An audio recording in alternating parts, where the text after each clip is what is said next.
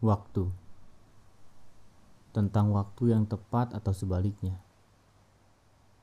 Apakah kita bisa menentukan apa yang kita ambil dari keduanya? Saat apa yang kita dapat tidak pada waktu yang tepat. Aku berpikir tidak ada ruang yang akan tepat untuk kita ambil antara tetap tinggal atau pergi. Keduanya tentang volume resiko yang akan kita dapat. Paham betul. Mencoba memahami pada hal-hal yang kita alami adalah manusiawi. Manusiawi sekali tentang apa yang kita lakukan. Tapi sadar atau tidak, itu seperti mencoba memahami yang sebenarnya sulit untuk kita mengerti.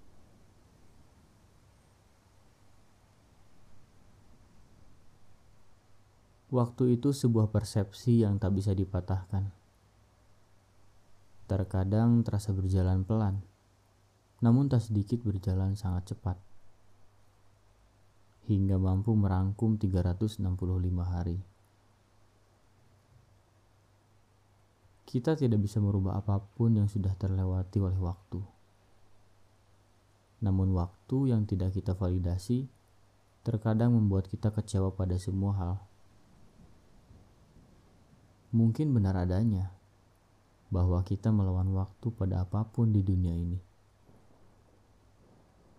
Mungkin tentang keadilan atau ketidakadilan, kekecewaan, dan runtutan harapan yang sebenarnya bisa kita halau satu-satu. Namun, kita adalah sebuah pilihan yang tetap harus diambil. Seberapapun kita kecewa, seberapa kita cinta, seberapa kita menangis tengah malam, atau seberapa banyak kita bertanya. Kita adalah waktu itu, bukan tentang angka 1 sampai 12, bukan tentang detik, menit, jam, atau hiasan dinding yang detiknya selalu terdengar saat sedang hening dalam telepon. Kita adalah bagian dari persepsi itu. Kita adalah bagian yang tidak bisa dibekukan jika belum waktunya. Kita juga tidak mencair jika masih kuat untuk tetap berdiri. Semuanya punya masanya masing-masing. Mungkin kamu hari ini, tapi besok siapa tahu kamu lebih bahagia dari mereka yang ada di sekelilingmu.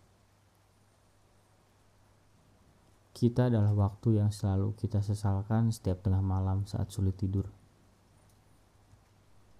Kita adalah waktu saat alasan itu keluar, saat kita tidak mood untuk makan. Dan kita waktu yang sering menggerutu saat kelelahan.